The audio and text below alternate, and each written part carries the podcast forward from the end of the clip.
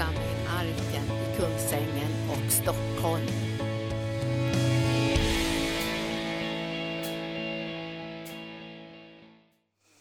Tack Jesus. Idag kommer jag faktiskt att tala om synden och ett liv i helighet.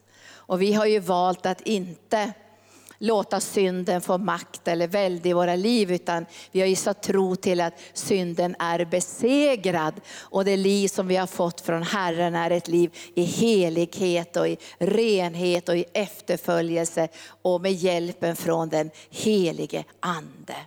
Jag har följt med intresse den här metoo-kampanjen. Har ni gjort det? Och nu skulle jag faktiskt önska att lagen fick träda in, alltså Sveriges lag och rättsprocess.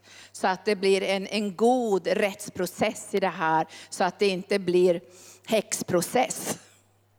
Utan att man måste kunna titta på det här med lagliga rättsliga medel och kunna se hur ser skulden ut och hur ser straffsatsen ut och det här. Och ni som är frälsta idag, ni vet ju att Guds lag har ju som syfte att avslöja synden och synliggöra synden och göra den så ful som den verkligen är för att nåden ska kunna bli synlig. För det står ju i Bibeln så här, där synden överflödar, där överflödar nåden. Och Jesus har kommit för att frälsa syndare. Och Paulus säger så här, bland dem var jag, är jag den störste. För, och när Guds nåd uppenbaras på mig, säger Paulus, då blir jag ett vittnesbörd för människor om Guds nåd och vad Guds nåd kan åstadkomma i en människas liv. Och ni vet ju att Paulus han blir bara alldeles så ivrig att tjäna Gud, så till sist säger han så här, jag arbetar mer än alla ni andra, dock icke jag utan Guds nåd som är verksam igenom mig. Och han önskar att få göra det allra, allra, allra bästa av sitt liv. Och visst är det tragiskt när det som vi kristna kallar för synden, alltså sexuella övergrepp, sexuella anklagelser, sexuella så att säga, negativ påverkan, ni vet allt som har kommit upp nu. Sanningen är ju att det har funnits under ytan hela tiden. Så är det ju. Och man skulle kunna säga så här, det ser värre ut än det ser ut. Därför det finns under ytan. Och när Jesus försonar världen med sig så går inte han bara på ytan, han går under ytan för att ge oss ett helt nytt liv. Och jag tycker det är tråkigt och hemskt att människor ska behöva så här i efterhand säga, det har skett under massor med år. Nu är det över 400 från skådespelaryrket som nu har gått ut och en skrivelse att de har varit utsatt för sånt där, mer än 400 skådespelerskor. Här ser vi också inom tv-världen, inom journalistvärlden, så sker det här. Och jag skulle kunna tänka mig att det kanske också sker inom den kristna genren i den kristna världen. Men jag tänkte så här i morse, att jag har ju tjänat Gud över 40 år och jag har ju nästan hela mitt liv, kristna liv arbetat med män. Till sist var det så mycket män som jag arbetade med för att när jag började resa på kallelser så var det nästan inga kvinnor med där. Utan det var, kvinn, det var jag och bröderna och till sist sa de Linda och bröderna. Och en gång så ringde en ledare mig från Norge och sa, Broder Linda. Och då förstod jag vad de menade. Och då har jag tänkt tillbaka så här, måste säga, jag har en eloge till alla dessa underbara kristna män som jag har jobbat med över hela världen. Indien, Filippinerna, Kambodja, Afrika, eh, Danmark, Island, Norge, Sverige. Jag har aldrig någonsin under alla dessa år varit utsatt för något sexuellt övergrepp. Jag har aldrig fått ett övergrepp verbalt aldrig fått någon insinuation, aldrig fått någon sexuell invit, aldrig någonsin. Och jag tänker tack Jesus, det finns fantastiska andliga män ut över hela världen. Tack Jesus. Och då ska jag inte säga att jag har träffat några stycken bara, utan jag har varit i kontakt med hundratals, tusentals män i olika andliga positioner. Så det finns fantastiska män som tjänar Jesus i renhet och helighet, där vi kan stå tillsammans som tjänstegåvor. Tjäna varandra sida vid sida, ha själavård, arbete, flöda i anden utan att det behöver finnas någonting av orenhet. Och Gunnar har ju talat om det så väldigt mycket de här åren som vi har tjänat i arken. Om vi ska stå sida vid sida och tro på biblisk jämställdhet. Biblisk jämställdhet. Det som Gud hade tänkt innan syndafallet. Att vi skulle kunna stå sida vid sida. Vi skulle kunna tjäna i renhet. Vi skulle kunna tjäna tillsammans i den heliga andes kraft. Det vill säga respekt för varandras liv och varandras kallelser. Och det hoppas jag ska få uppleva många år framöver när jag tjänar Herren. Men jag ska säga det finns fantastiska, andliga, höga män över hela världen med excellens. Tack Jesus. Så be för ledare, be för ledare utöver hela världen, att vi som kristna ska få bli ett exempel på ett helt annat liv, en helt annan kultur. Och därför behöver vi också i Guds församling se till att vi inte har saker under ytan. Och när vi har saker under ytan och vi jobbar med saker och vi kämpar med saker, då ska vi först och främst bekänna inför Gud. Alltså vi ska vara transparenta inför Gud. Gud ska veta allt om oss. Vi gömmer ingenting för Gud. Allt ska vara rent och avskilt. Och sanningen är ju den att det står i Hebreerbrevet, allt ligger naket och öppet inför honom. Och inför honom ska vi göra räkenskap. Så han vet ju redan allting. Så det är ju ingen idé att du går och gömmer någonting. Han vet ju det redan. Det blir bara pinsamt. Det här har jag gömt under mattan. Jaha, säger Gud. Inför mig ligger det helt öppet. Så inför Gud ska allting ligga helt öppet. Och sen ska, så har Bibeln ganska många så att säga, eh, eh, informationskanaler till oss när det gäller förlåtelse och upprättelse och hur vi bekänner våra synder. Och det allra bästa sättet att bekänna sin synd. Om du känner, att kanske det finns en synd i mitt liv, kanske finns det något som jag inte ser eller något som jag inte har fått klarhet över. Då är det allra bästa platsen att bekänna den, där vi har så mycket ljus som möjligt. För ni vet ju om att anklagaren, djävulen, han älskar ju att anklaga. Och skam och skuld och anklagelse är ju många kristna ska säga, plåga. Och därför vill vi bekänna vår synd eller be om ljus över våra liv när det är som allra vackrast. Till exempel i lovsången. När lovsången är som allra skönast, när det är som en ljuvlig närvaro av Gud. Säg till Herren då, är det någonting Gud som du skulle vilja visa i mitt liv som jag inte ser eller någon, någon synd som jag inte förstått är synd eller någonting. Så säg det nu. Då kan du vara säker på att när den rösten kommer in i ditt liv så kommer den inte från avgrunden med skuld och skam och fördömelse. Eller i nattvarden, när vi ska dela Jesu, bryta Jesu kropp och dricka hans blod. Då kan vi också komma in i det här ljuset och säga Herre, kom med ljus nu. Är det någonting? Och i det ljuset finns det också ledning. För Bibeln säger, gör upp med din broder om du är med honom eh, på vägen. Gör upp med honom om det är någonting. Bekänn era synder för varandra på det att ni ska bli botade. Så det finns så mycket underbar ska säga, instruktion och handledning i Guds ord. Och den här boken som Birgitta lyfter fram, visst den är, den är väldigt bra med John och Carol Arnott. Att jag avsäger mig rätten att anklaga och jag, jag, löser välsignelse. Det betyder inte att det som människor har gjort mot dig eller mot mig är okej. Okay. Men jag lägger det i Jesu hand och överlåter det till honom och väljer en högre väg. Där jag kan vandra i renhet och helighet och bli ett kärl till hedersamt bruk. Så idag ska vi tala lite grann om synden. Och jag ska säga bara några inledande ord här. Vi måste veta skillnaden på på syndaren eller synden som, var i, som hände i syndafallet. Alltså när människan blev syndare. Och sen måste vi tala om syndens makt. Som en makt, ett inflytande, en påverkan. Och hade inte synden någon makt så hade inte pastor Gunnar behövt läsa det här ordet. Att vi har fått självbehärskningens ande. Då hade vi inte heller behövt läsa att det finns en andens frukt som heter återhållsamhet. När vi har liksom gränslös girighet. När vi har gränslöshet som sexuella utsvävanden. När vi har gränslöshet och inga ramar i, i vårt liv. Då kommer ju syndens makt att börja härja i våra liv. Och det är svårt att stoppa den.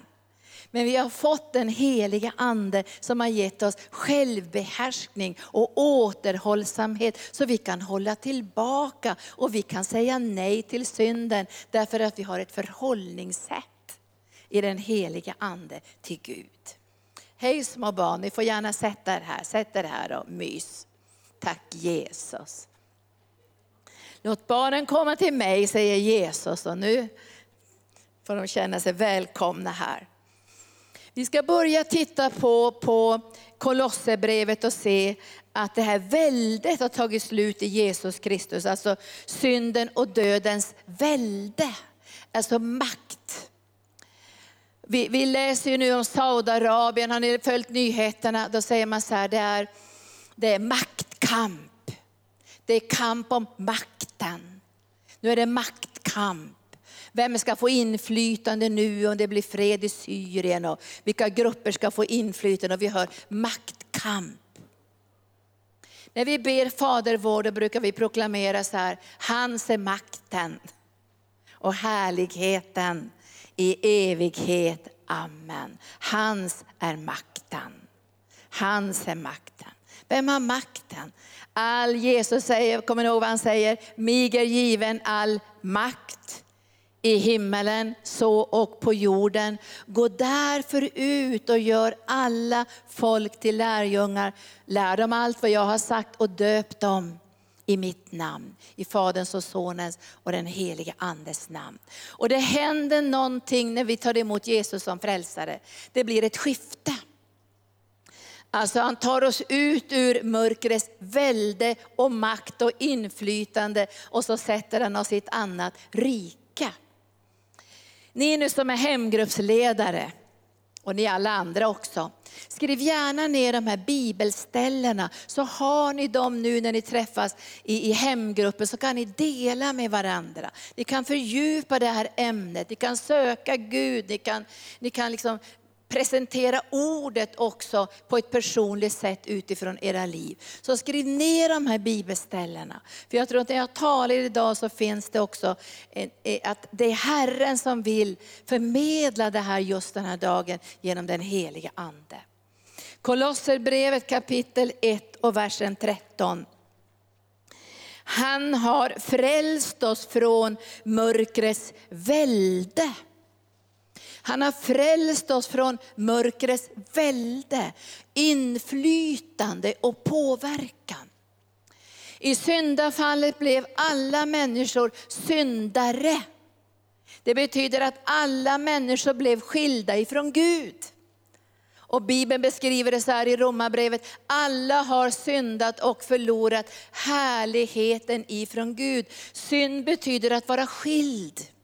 Att missa målet, förlora meningen med sitt liv. Synd betyder skilsmässa. Och det som hände i syndafallet var att människan skildes ifrån Gud och fick namnet syndare. Och när människan blir frälst så får hon en ny identitet som heter rättfärdig genom Jesus Kristus, godkänd och hon får byta rike och synden har inte makt över henne längre. Hon kallas inte längre för syndare för hon är förenad med Gud och fått del i ett helt nytt liv. Får jag ett amen på det? Amen. Tack Jesus. Han har tagit oss ut, eller frälst oss från mörkrets välde. Och han har fört oss in i sin älskade sons rike. I honom är vi friköpta, frihalsade, lösgjorda, betalda och fått förlåtelse för våra synder. Genom Jesu Kristi blod, vi är förlåtna. genom Jesus Kristus. Och han har tagit oss ut ur mörkrets rike.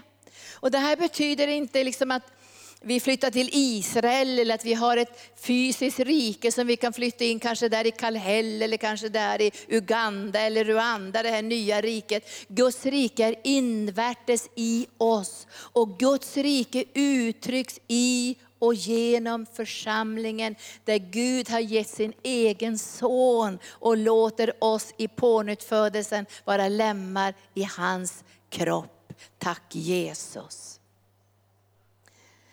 Det står, jag ska fortsätta att läsa ifrån Romarbrevet, så vi ska förstå det här, vad som hände i syndafallet. Därför när vi nu lever i Guds rike så betyder inte det att inte synden existerar. För synden är också en makt. Syndens makt. Vi talar ju nästan bara här i kyrkan om Guds makt. Den heliga andes kraft, andens nådegåvor, andens inflytande, det nya livet. Men synden är också en makt som är verksam i människor. Och jag läste på något nät häromdagen om att man skulle försöka få tag på en våldtäktsman som hade våldtagit en åttaårig flicka och lämnat henne utan kläder, naken vid, vid vägen, blodig. Vad är det för makt som gör att man beter sig så? Vad är det för makt som, som gör att man, man, man skadar andra? Vad är det för makt som är i verksamhet? Vi behöver veta idag att det är syndens makt. Och vi behöver känna igen hur synden uttrycker sig och vad synden gör. För vi är ganska jag tror att många av oss som är här idag, vi, vi längtar ju efter att bara få utrymme för den heliga ande.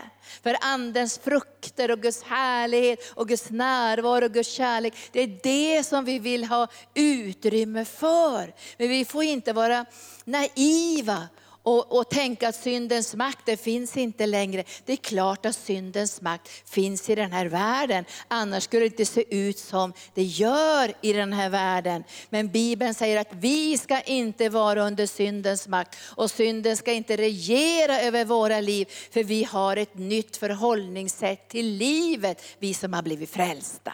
Och det ska jag läsa om nu om en stund. Först läser jag från Romarbrevet kapitel 5. Då står det så här i den femtonde verset. Men syndafallet kan inte jämföras, Romarbrevet kapitel 5, versen 15. Syndafallet kan inte jämföras med nåden. För om de många dog genom en endas fall, så har Guds nåd och gåva så mycket mer överflödat till de många genom en enda människas nåd, Jesu Kristi nåd. Inte heller kan gåvan jämföras med det som kom genom en enda synd. Domen kom genom en enda och ledde till fördömelse, men gåvan kom efter mångas överträdelser och ledde till ett frikännande.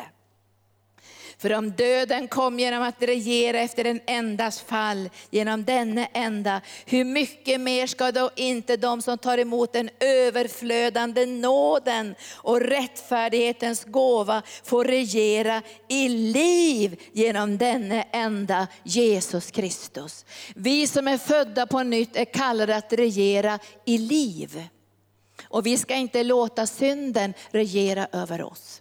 Men om vi är ärliga idag så är vi ibland okunniga om vad som är synd. Och hur synden verkar och vad synden gör. Och jag tror att den heliga ande kommer mer och mer nu i den yttersta tiden att klargöra vad synd är, hur synden verkar, hur synden uttrycker sig. För jag tror att utmaningen på Guds församling kommer att bli större. För vi ska ju vara ett kärl för Guds härlighet. Och Gud måste ju kunna lyfta upp sin församling i denna yttersta tid. Och det står ju i Bibeln att församlingen ska lysa på berget och den ska inte vara under skeppan. Och så säger Herren så här, jag måste läsa nu lite grann från 18 versen. Alltså nu sammanfattar han det här. Liksom en endas fall ledde till fördömelse för alla människor, så har en endas rättfärdighet lett till ett frikännande till liv för alla människor. Så Gud säger idag att alla människor kan få ett nytt liv jag kan tänka mig att man kan genom lagen och genom att man arbetar med arbetsplatsen och allt det här få bort alla svordomar så mycket som det går och alla sexuella anspelningar och sexuella övergrepp och all orenhet. Men jag är inte säker på att man kommer att nå målet. För synden är en makt. Och människor behöver bli födda på nytt och få en ny identitet. Så att de kan börja, kan börja regera över de här sakerna. Nej, det här vill inte jag ha i mitt liv. För jag tillhör Herren. Jag är ett kärl till hedersamt bruk. Jag tillhör Herren. Och då säger han så här, att det här nya livet är inte bara för några få utvalda, snälla människor. Det här är till alla människor. Och så säger Paulus vidare så här, liksom de många stod som syndare genom en enda människas olydnad, så ska också de många stå som rättfärdiga genom den endes lydnad. Vem är den ende? Det är Jesus. Så genom Jesus Kristus har Gud sagt, jag vill ge en ny natur till alla människor. Ett helt nytt liv genom pånyttfödelsen. Tack Jesus. Jag tror man kan disciplinera sig till en viss gräns. En av mina syrror jobbar på en demensavdelning sedan många år. Hon har säkert jobbat där i 30 år snart på en demensavdelning. Och hon säger så här, jag förundrar mig över de här gamla, var de hittar alla svordomar ifrån. Alltså hon säger de svär så, så fruktansvärt. De är så fula i munnen. Nästan varje dag kallar de mig för hora och biter mig. Och då tänker jag så här, när de själsliga, liksom säga, det här själsliga som man kan hålla tillbaka i det naturliga, när det släpper. Då kanske det som egentligen fanns där på insidan väller fram. Och jag tycker att det, det är en katastrof. Det är en sorg. Jag skulle önska när du blir riktigt gammal och kanske ligger på någon avdelning och när du öppnar din mun, halleluja, tack Jesus, smörjelsen flödar, nådegåvan är närvarande, halleluja. Så ska det flöda från din mun, så när de kommer in på, på din avdelning ska du inte bita dem och svära och kalla dem hora, utan då kommer du bara säga tack Jesus, jag är på väg till himlen, Herrens härligt över mitt liv. Och du kanske får din allra bästa tid att vara en kanal för Guds kärlek kärlek i de sista dagarna av ditt liv. Därför det som finns inom dig måste komma ut. Det som finns inom dig. Det, Jesus säger så här, det, det, är inte det som kommer in genom munnen som orena människor, det som kommer ut ur munnen. Och då kommer det äktenskapsbrott, falskt vittnesbörd, sexuella utsvävningar, orenhet. Det kommer ut ifrån munnen. Men Jesus har gett ett nytt hjärta. Han har fött oss på nytt med ett nytt hjärta och gett oss sin rättfärdighet. Och därför behöver vi som frälsta också känna igen syndens makt. Vi är frälsta, vi är rättfärdiggjorda. Men jag ska berätta idag vad, vad syndens makt gör. Jag har bara några bibelställen så vi ska känna igen det här. Men för att bli riktigt uppmuntrad nu så läser jag så här. 20, 20 versen. Dessutom kom lagen in för att fallet skulle bli större. Men där synden blev större, där överflödade nåden ännu mer. Liksom synden regerade genom döden, så skulle också nåden regera genom rättfärdigheten och ge evigt liv genom Jesus Kristus vår Herre. Och sen säger Paulus i den, i den sjätte kapitlet och elfte versen, så här ska ni se på er själva. Så här ska ni se på er själva. Så här ska ni se på er själva, säger han. Ni är döda från synden och lever för Gud i Jesus Kristus. Så här ska ni se på er själva. Varje dag bekänner jag, jag är död från synden. Jag är död från synden. För när jag gick ner i dopgraven 1970 72, tror jag det var 73, då sa jag till den här missionspastorn som var en god vän till mig, håll mig länge under vattnet så att jag hinner bekänna, nu dör jag från synden dör jag från synden. Och från denna dag när jag stiger upp i den här dopgraven ska jag leva för Jesus. Och varje dag ska jag lägga min kropp på altarplatsen. För det står så här i skriften. Håll före att ni är döda från synden. Synden ska därför inte regera i er dödliga kropp så ni lyder dess begär. Den ska inte längre regera så att vi lyder dess begär. Tänk att det kan vara sådana kraftfulla begär i det sexuella att man kan våldta barn. Begå övergrepp på spädbarn. Alltså vilka krafter det finns i begäret när mörkret får tag på det. När mörkret får regera i det. Tänk vilken kraft det finns i penningbegäret när mörkret får regera över. Det finns inga gränser på penningbegäret när mörkret får regera över det. Men så står det i Bibeln så här att synden ska inte regera längre. För, vi, för han säger så här, ni ska ställa era kroppar inte i syndens tjänst. 13 versen 6 och 13. Ställ inte era kroppar i syndens tjänst som redskap för orättfärdigheten, utan ställ era lemmar i Guds tjänst. Varje dag ställer vi vår kropp, vår själ i Guds tjänst. Jag tillhör dig, jag tillhör inte synden. Kommer synden att knacka på min dörr, kommer begäret att börja härja i mitt liv, så har jag fått återhållsamheten och självbehärskningen och jag kan säga nej. Nu ska vi titta bara väldigt kort på några saker, hur synden arbetar. Och det här är bibeltexter. jag kan inte gå igenom allt för det är en lång bibelstudium. Men bara på ett ungefär så ni ska se, så här verkar synden. Ni vet när Adam och Eva syndade så var det ju Satan som bedrog dem. Så när synden är närvarande finns det alltid bedrägeri och lögn. Och det finns alltid lögn som kommer med bedrägeriet och därför måste vi vara kunniga i Guds ord och ha en nära relation med Jesus. Därför när Adam och Eva blev bedragna så blev de bedragna på Guds uppenbarelsen. Och djävulen ifrågasätter och säger, skulle Gud ha sagt?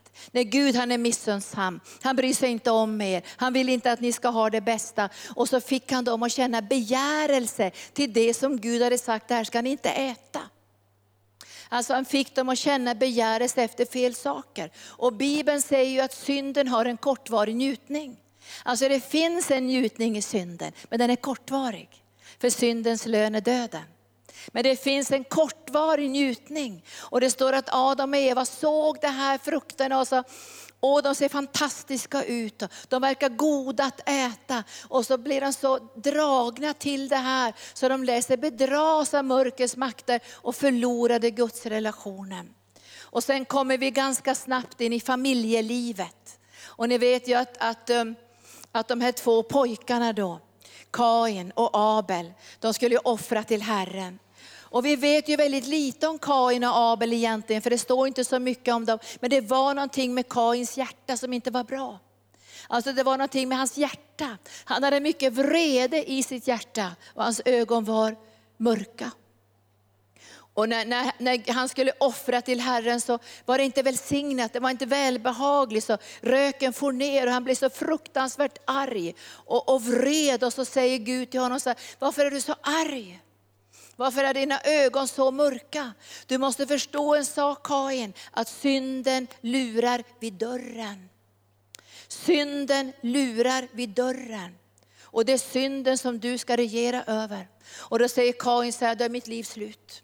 Jag kommer att bli dödad av vem som helst när jag har syndat på det här sättet. Då sätter Gud ett märke på Kain för att han ska få beskydd. För Kain han säger så här, jag kommer att bli hemlös säger Kain. Han säger så här, jag kommer att bli, hur han uttrycker sig ungefär så här. Jag kommer att bli kringflackande och hemlös som en konsekvens av det här.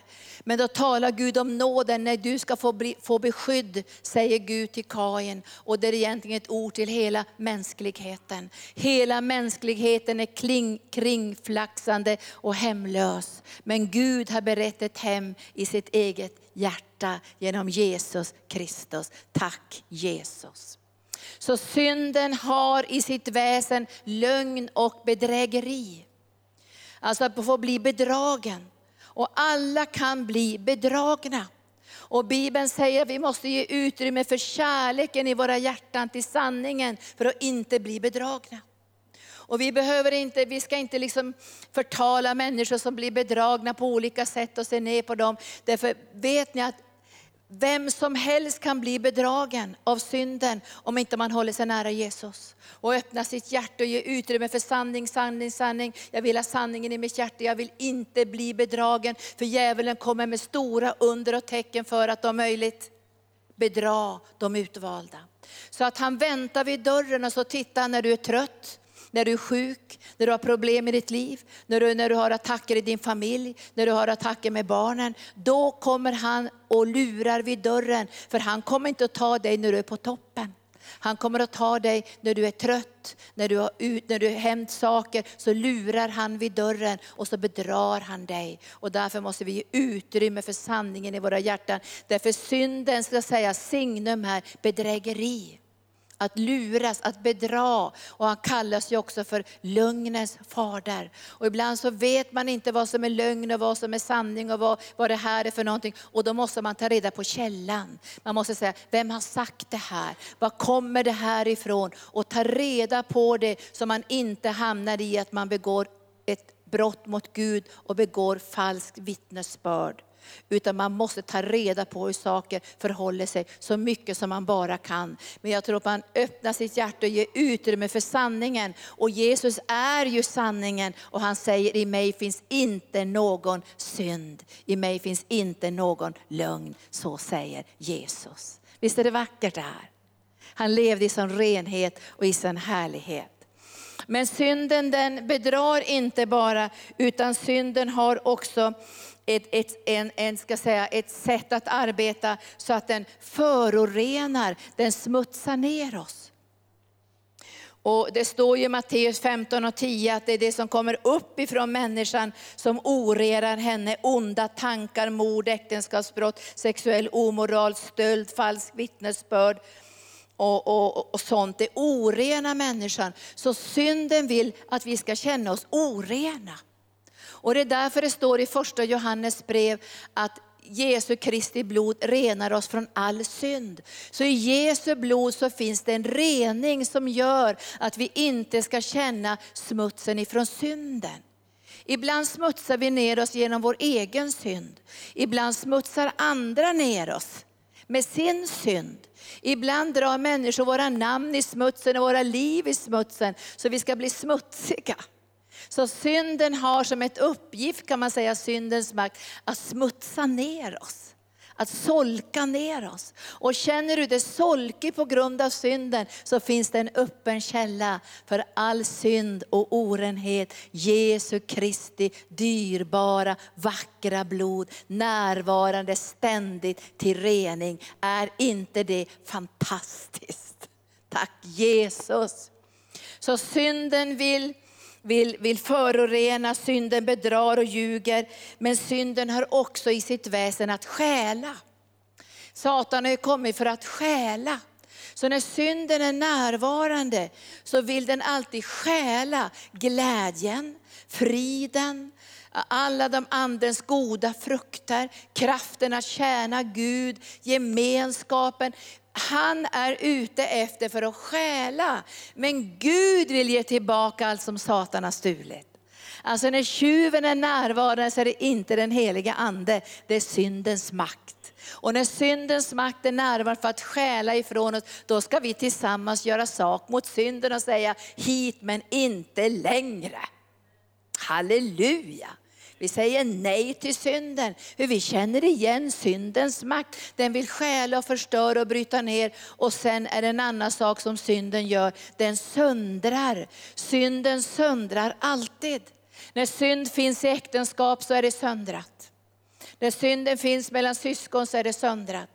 När synden kommer in i församlingen är det söndrat. Därför synden söndrar alltid. Och vi behöver vara på vår vakt emot synden och säga, nu verkar det som att synden har kommit in och söndrar. Men vi gör gemensam sak och säger, stopp i Jesu namn. För vi vet hans listiga angrepp. Och han är ute för att söndra, bryta ner, skapa splittring. Därför är hans väsen. Men vi har inte syndens natur. Vi är rättfärdiggjorda i Jesus Kristus. Försonade med Gud, renade i blodet, upprättade i den helige ande. Och vi är kallade att regera över synden. Om inte vi regerar över synden på rätt sätt, utan vi måste använda piskan och lagen för att få till någonting. Nu blir det några hårda bud i tv-världen och kulturvärlden och alla de här världarna med alla sina övergrepp. Det blir nog ganska hårda bud. Och nu kommer lagen att slå på ryggen och man förlorar sina jobb och man förlorar, fast det har kanske skett för 20-30 år sedan, så förlorar man sin, sin, sin, sin ära på olika sätt. För nu är det lagen som slår till. Men jag skulle önska i ditt och mitt liv att inte lagen behövde slå till. Därför att vi regerar i Jesus Kristus, rättfärdiggjorda. Och vi har valt att se på oss själva på ett nytt sätt. Vi är döda från synden. Halleluja. Så gå tillbaka till ditt dop och så tänker du när du låg där i dopgraven och de tryckte ner dig i vattnet så ska jag har dött ifrån synden. Jag är död ifrån synden. Den ska inte längre regera i mitt liv. Och skulle en knacka på min dörr och lura vid dörren, då säger jag, vik hädan i namnet Jesus. För jag har gett hela mitt liv, min kropp, min själ, min ande att tjäna den levande Guden. Och skulle jag synda så finns det förlåtelse hos Gud. Och det finns nåd och det finns rening. För det står så här att den som känner Gud syndar inte. Den som känner Gud och har sett Gud, han syndar inte. För han vill inte synda.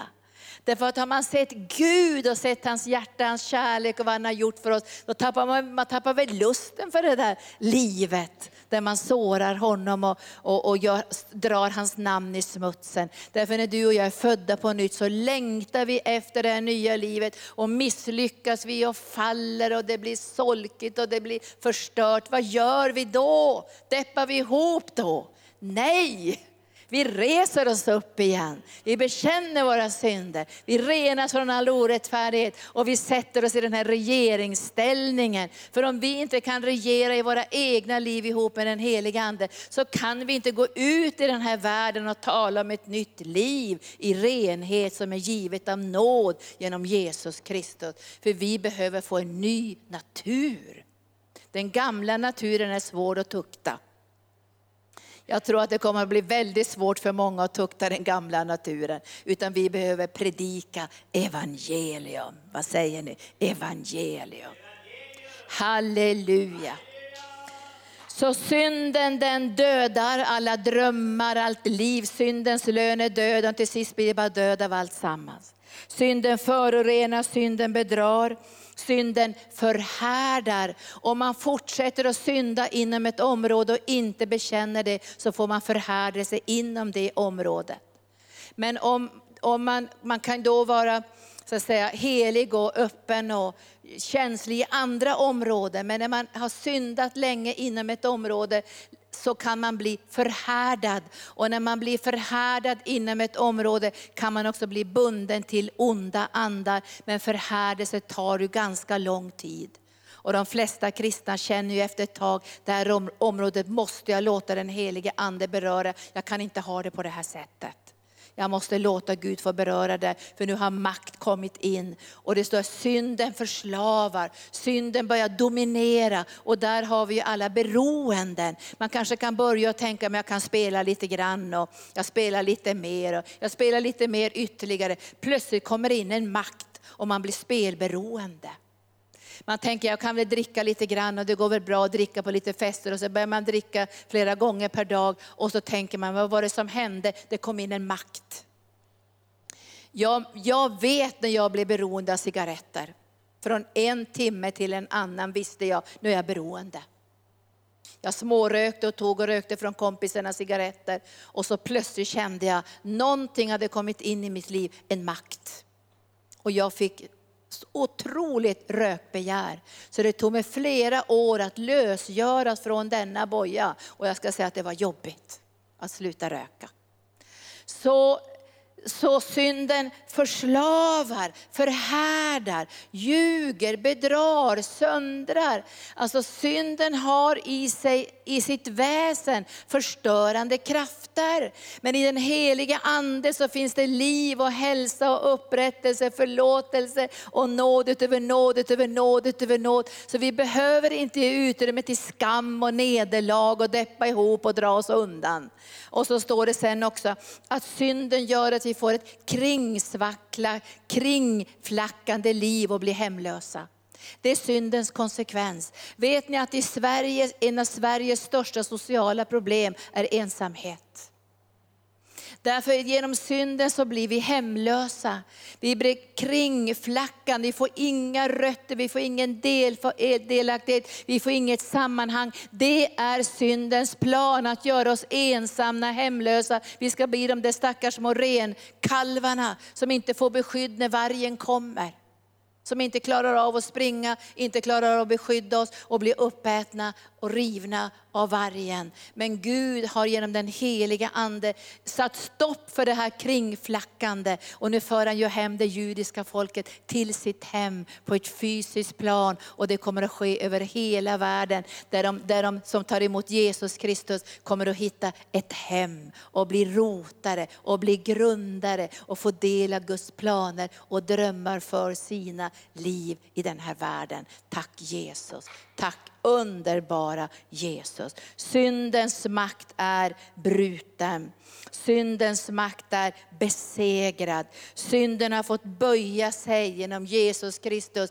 För syndens lön är döden och syndens udd gör att döden kan få makt i den här världen. Men Jesus har besegrat döden, han har besegrat synden, han har straffats för all synd för att föra in nåd och liv och hälsa och upprättelse och härlighet och godhet in i den här världen. Och du och jag är kallade att regera. Att regera. Och vi ska be nu att vi ska återta vår regeringsplats. Vi ska regera. Jag vet ju att kristna syndar. Alla människor syndar då och då. Och, del, och ibland känner man så att andra kan göra det här och, och jag får inte göra det. Jag kommer ihåg när jag började min tjänst, det var mycket i Norge och predikade, jag var i olika samlingar. Och jag märkte att ledare kunde göra saker som inte jag kunde göra. Och jag sa så här, men det här kan ju inte jag göra. Men de kan ju göra det här. Och då sa Gud så här, det här har jag sagt till dig. Jag har ännu inte sagt det till dem. Så vet du, Gud har inte sagt allt i våra liv än. Men vi ska vara öppna och känsliga för Guds ledning i våra liv. Och vi ska aldrig gå över vårt samvete. En del av oss har ett väldigt känsligt samvete. Därför att vi känner inte Guds orden. Och vi kanske inte vågar göra någonting. Men när vi har Guds ord och Guds ledning och kontakten med Jesus Kristus, då vet vi var vårt samvete rör sig. Men vi får aldrig krossa vårt samvete. Vi får aldrig förhärda vårt samvete. Vi får inte bryta mot vårt samvete, för vårt samvete är kopplat till Guds ord, till Jesus och den helige Ande. Gud har en individuell väg med dig. Och när han säger till dig att du inte kan göra vissa saker så måste du lyda den helige Ande. Andra kan göra saker som du absolut inte kan göra. Men du har en egen ledning i den helige Ande. Men vi önskar att vår församling ska ha samsyn, att vi väljer helighet avskildhet för Gud. Du vet att lite synd kan skada ett helt arbete. Det står i Bibeln att en bitter rot kan smitta hela församlingen. När, när, när Joshua la sig på sitt ansikte i Joshua bok och grät och skrek till Gud och sa, Gud varför har du låtit det här ske? Varför lät du oss lämna Egypten och komma in i löfteslandet när fienden håller på att ta över? Och, och han anklagade Gud, Joshua. Joshua anklagade Gud. Då säger Gud till Joshua, res dig upp på dina fötter. För det finns synd i lägret. Och vi ska utlysa en helig fasta och en helgelse. Så ska vi döma synden. Gud vill inte döma dig och mig. Gud har redan befriat dig och mig. Han har köpt oss med sitt dyra blod, men han vill döma synden. Han vill döma synden, inte dig och mig. Och därför måste vi ibland då och då helga oss och fasta och säga Herre, finns det något i mitt liv som du vill peka på, så gör det Herre. Säg Herre, är det någonting som, som du vill döma? För du vill inte döma mig, men du vill inte att jag ska ha någonting i mitt liv som hindrar min växt, min utveckling eller församlingens liv och utveckling. För finns det för mycket synd i församlingen, då hindras också Guds plan och Guds drömmar att gå till sin fullbordan. Men vi har gjort ett gemensamt beslut i den här församlingen. Vi ska vara kärl till hedersamt bruk. Och finns det någonting som Gud, som Gud pekar på våra liv, så ska vi vara supersnabba, sekundsnabba och säga Herre, rena oss i blodet, det här vill vi inte ha, vi bekänner det som synd, vi vill inte ha det här i vårt liv. Kom helige Ande och bara rena det här nu. För vi vill vara ett kärl till hedersamt bruk och, och förhärliga dig. Vi ska be lovsångarna komma fram nu och sen ska vi inta regeringsplatsen. Om synden knackar på din dörr, vad säger du då? Välkommen in? Nej. Du säger tig i Jesu namn, vik i Jesu namn. Jag vill inte ha någon synd i mitt liv. Jag vill att det ska vara rent avskilt för Gud. Men jag sa ju så här i början av mötet att det inte alltid är lätt att veta vad som är synd. Utan, utan i syndens väsen ligger ju bedrägeri och lögn. Och därför får man be att Gud kommer med ljus så att man kan börja regera. Och det blir fin, mer och mer finstilt ju mer man vandrar med Gud. Det är så. I början var det bara liksom enkla saker som inte man skulle tänka på idag ens. Men när Gud tog, fick mig till frälsning så var det, gör inte så här och gör inte så här, ungefär tre, fyra saker han pekade på. Nu skulle han aldrig ens behöva peka på de sakerna. Det blir, det blir finstilt. Det blir finstilt. För Gud vill att du och jag ska bära hans härlighet, hans närvaro i den här världen. Så det blir finstilt. Och så säger han så här, det här vill jag inte ha i ditt liv. Och det kanske inte ens är synd, det kanske är bara en börda. Eller något som tynger dig så att du inte kan gensvara till Gud. Något som har tagit för mycket plats eller fått för mycket inflytande i ditt liv. Och så börjar han prata med dig och så har Gud en individuell vandring med dig. Men synden är smutsig. Och kommer synden att knacka på din dörr, då ska du känna igen lukten. Då ska du känna igen den här stanken och hur den, hur den verkar och hur den känns när den kommer. Och då ska du avvisa den, därför att du regerar i liv. Du sitter på tronen tillsammans med Jesus och du regerar över synden. För du har dött ifrån synden och nu regerar du tillsammans med Gud. Tack Jesus. Och nu ber jag dig heliga Ande att du öppnar våra hjärtans ögon så vi ska se den här förmiddagen att vi är i regeringsställning. Vi sitter tillsammans med dig Jesus på Faderns högra sida och nu tänker vi inta regeringspositionen. Du har sagt att vi ska regera i liv och synden ska inte regera över oss. Den ska inte förslava oss, den ska inte söndra oss, den ska inte bryta ner oss, den ska inte smutsa ner oss, den ska inte bedra oss utan vi ska leva i helighet, i renhet, i den heliga Ande. Så nu intar vi vår plats i anden den här förmiddagen för att regera tillsammans med Jesus. Och skulle synden knacka på, synden göra ingång i vårt liv, synden förorenas eller göra något i våra liv, då kommer vi att avslöja synden och avsätta synden. För vi är mer än övervinnare i Jesus Kristus, han som har segrat över döden, över synden, över Satan. Och vi är inte längre syndare, men du har kommit för att frälsa syndare. Du har kommit för ditt liv för syndarna. Du har kommit för att ge dem en ny identitet och en ny position. Och vi ber Herre att det här landet ska få, i de här kriserna med sexuella övergrepp, ska frågor nu väckas i människors hjärtan. Varför gör vi så här?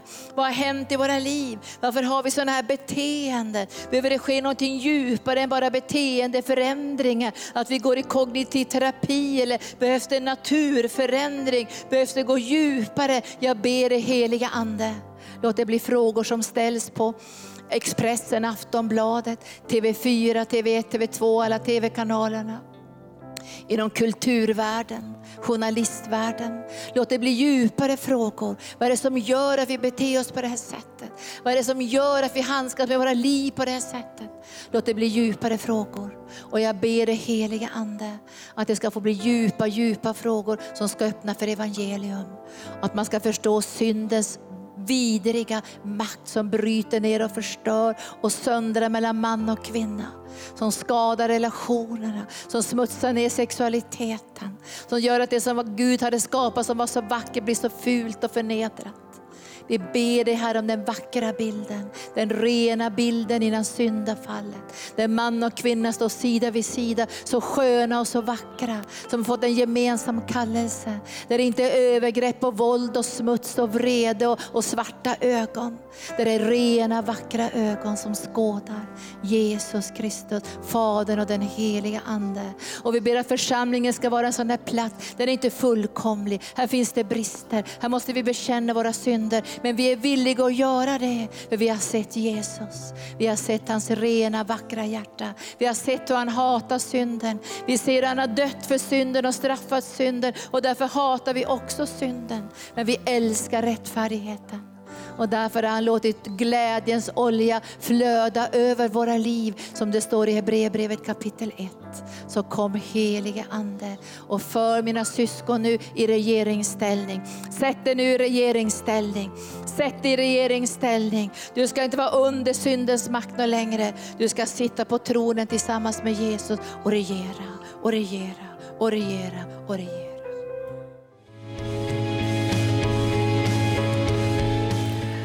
För att du har lyssnat. Vill du få del av mer information om församlingen Arken, vår helande tjänst, bibelskola och övriga arbete, gå in på www.arken.org.